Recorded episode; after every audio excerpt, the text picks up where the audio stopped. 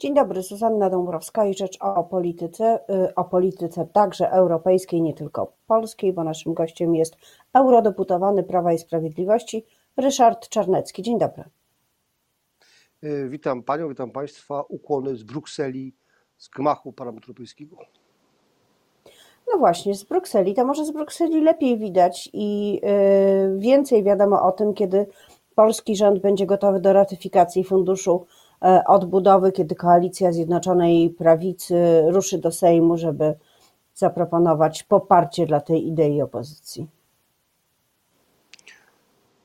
To na szczęście nie jest problem w skali europejskiej, ponieważ e, wyraźna większość e, krajów członkowskich Unii jeszcze nie ratyfikowała tego porozumienia obejmującego zarówno Recovery Fund, Fundusz Odbudowy, jak i skromniejszy e, fundusz ekologiczny mm, e, e, oraz przede wszystkim wieloletnie ramy finansowe, czyli siedmioletni budżet unijny. A uważam, że tutaj nie ma żadnego zagrożenia. To są największe w historii Polski pieniądze z Unii i większe nigdy nie będą, bo za 7-8 9 e, lat Polska stanie się płatnikiem netto, będziemy więcej wpłacać do Brukseli w formie składki członkowskiej niż stamtąd brać na różnego rodzaju projekty, więc jestem pewny poparcia tego projektu przez e, opozycję. Mm, e, do niedawna jeszcze tylko pięć krajów członkowskich Unii ratyfikowało w parlamentach to porozumienie.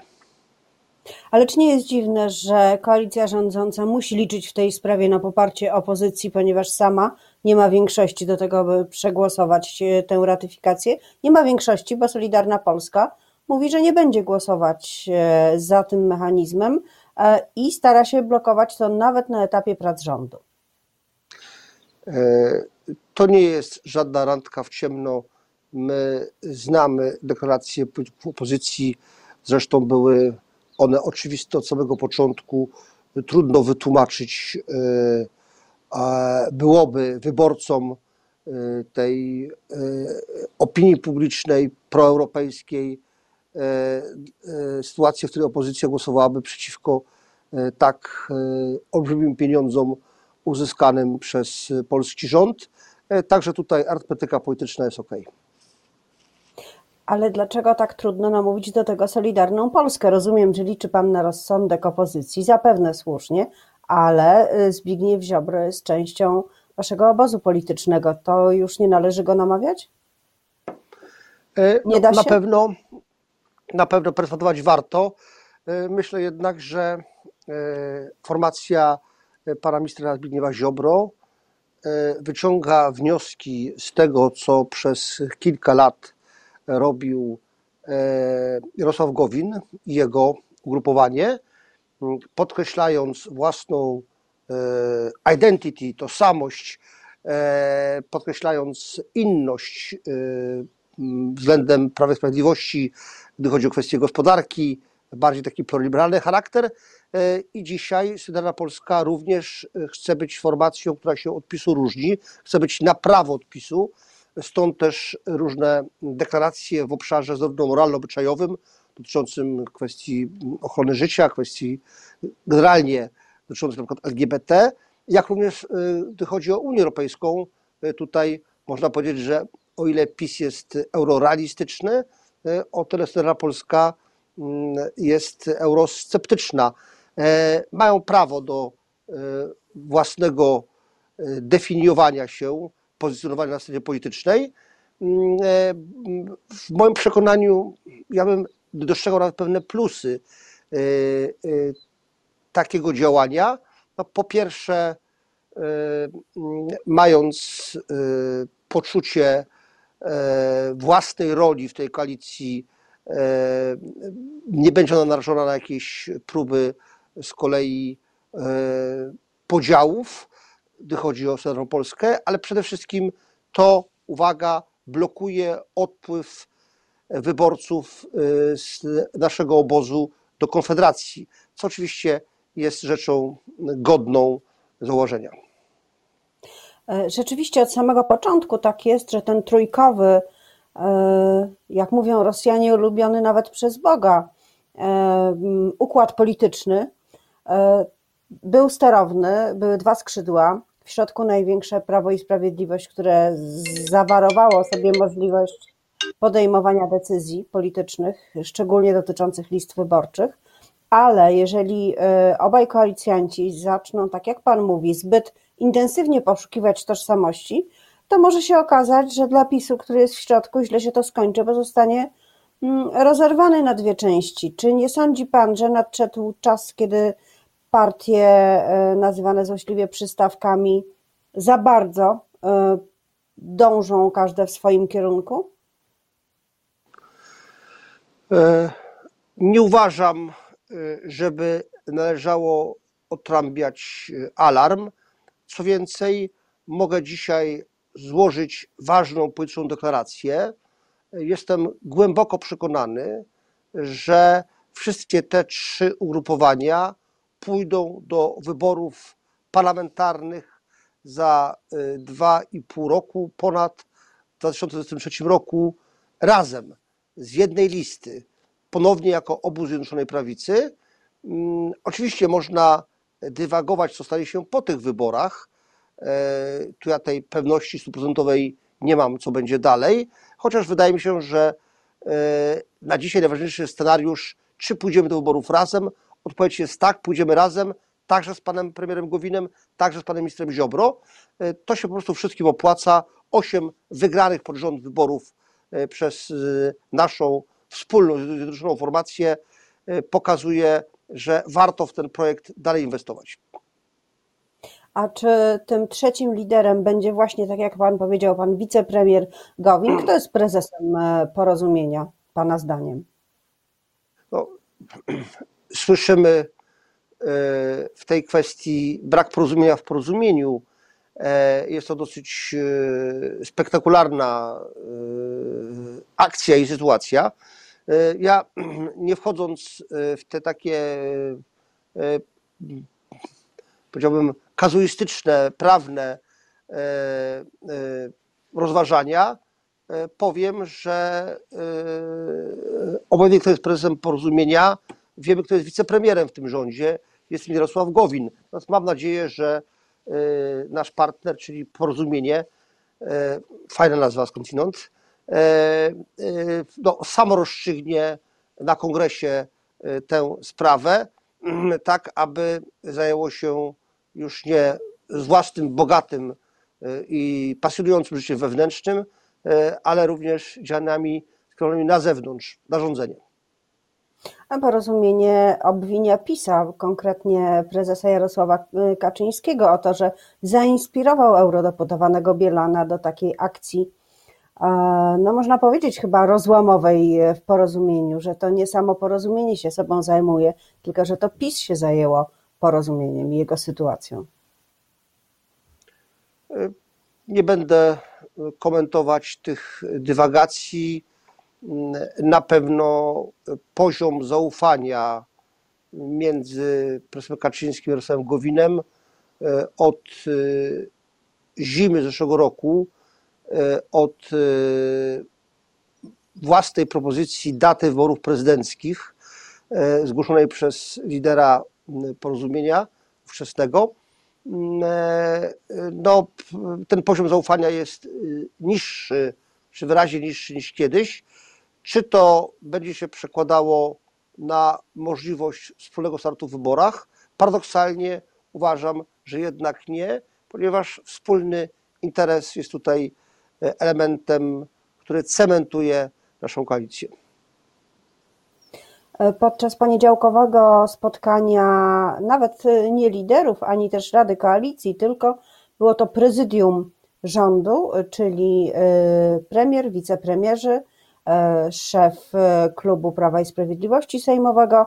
Mm, prezes Kaczyński miał powiedzieć, relacjonują to nieoficjalnie media, że uważa, że on sam nie przewidział e, skutków, które niesie ze sobą ruszenie sprawy aborcji, ruszenie, czyli no, doprowadzenie poprzez wniosek poselski do werdyktu Trybunału Konstytucyjnego, który uruchomił falę protestów. Czy sądzi Pan w świetle tej opinii cytowanej przez media, że rzeczywiście zabrakło Zjednoczonej Prawicy takiego zdolności przewidywania, co może się wydarzyć, jeżeli tamten układ prawny, którego już nie ma, tak zwany kompromis, zostanie naruszony? No, to jest e, pytanie e, dla mnie o tyle e, i trudne i łatwe, dwa w jednym, że ja publicznie mm, po tym, co się stało, szereg razy deklarowałem, że jestem zwolennikiem kompromisu aborcyjnego. Może także ze względu na to, że jako jeden z młodszych posłów w Sejmie Rzeczypospolitej pierwszej kadencji za tym kompromisem w 1993 roku głosowałem. I pamiętam, że nie było to, uwaga, wówczas wcale takie oczywiste jednoznaczne. W mojej formacji politycznej w ZHN-ie na przykład Jan Łopuszański e, był temu przeciwny i e, osoby skupione wokół niego. E, więc no, mogę powiedzieć, że to, co się stało, ja przewidziałem, nie w sensie nawet manifestacji ulicznych, tylko uważałem, że przesunięcie wahadła w obszarze mm, ochrony życia, aborcji w jedną stronę może spowodować, na przykład po kolejnych wyborach, E, znaczące przemieszczenie się tego wahadła w drugą stronę i to w sposób e, daleko idący, co z punktu widzenia celów, e, dla których głosowałem za tą ustawą, byłoby kontrproduktywne. W związku z tym można powiedzieć w tym kontekście, że źle się stało, E, e, natomiast e, no, dalej podtrzymuję to, że ten kompromis, kompromis aborcyjny był pewną wartością. Oczywiście on budził kontrowersje, natomiast jeżeli się, można powiedzieć, nie podobał zarówno środowiskom z prawa, jak i z lewa, to może właśnie warto go było bronić. Ostatnia kwestia, kolejne sprawy dotyczące pedofilii w kościele y, wychodzą na światło dzienne, są opisywane przez media, także w Rzeczpospolitej dzisiaj kolejna taka sprawa z Radomia jest y, opisana. Często mają one niesłychanie wstrząsający wydźwięk, a ja chciałam Pana zapytać y, o to, czy Polska na tle innych krajów, które miały i mają pewnie do dziś z tym problem, może już mniejsze, myślę o Irlandii na przykład, ale także innych takich jak Stany Zjednoczone, E, czy Polska e, powinna czerpać e, wiedzę o tym, jak sobie z tym problemem poradzić, Polska jako państwo, mm, właśnie z, tych in, z innych krajów, bo jak na razie powołaliśmy komisję państwową, która nie zrobiła nic, za to wystąpiła o podwyżki zaraz po, po powołaniu. To jest dość dziwny byt. Czy państwo powinno wziąć na siebie większą odpowiedzialność? Bo widać, że Kościół we własnym gronie tego nie załatwia. E, chciałem powiedzieć, a raczej powtórzyć to, co mówiłem wielokrotnie, że pedofilia to zbrodnia i każdy pedofil powinien być bardzo surowo karany, obojętnie czy jest w koloradce, czy jest politykiem, czy jest dziennikarzem, panie redaktor, czy jest artystą.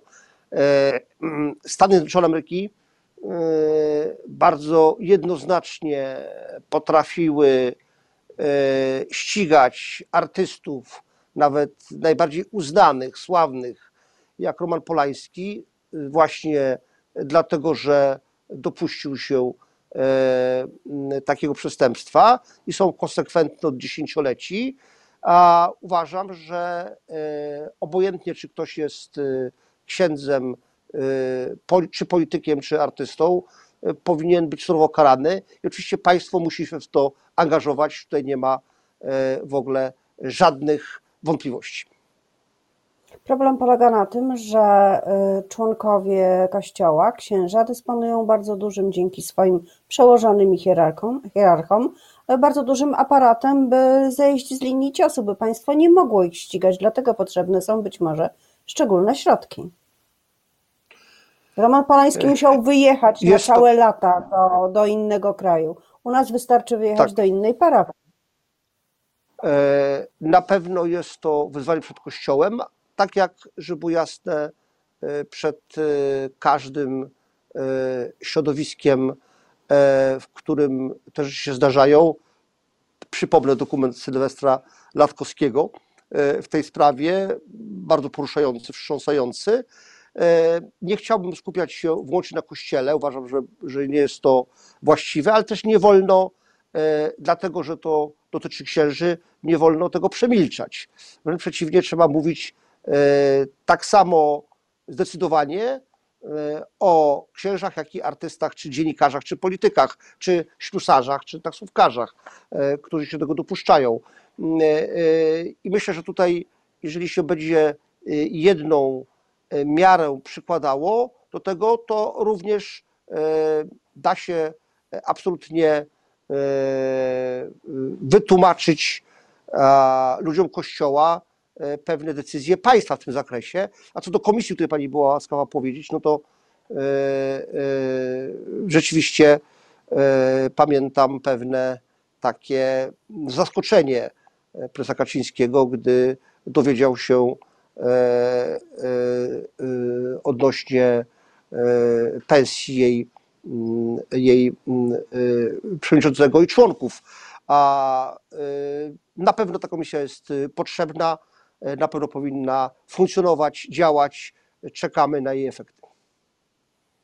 Dziękuję bardzo za tę rozmowę. Życzę miłego dnia Brukseli i Państwu też życzę miłego dnia. Moim gościem był eurodeputowany PiS Ryszard Czarnecki.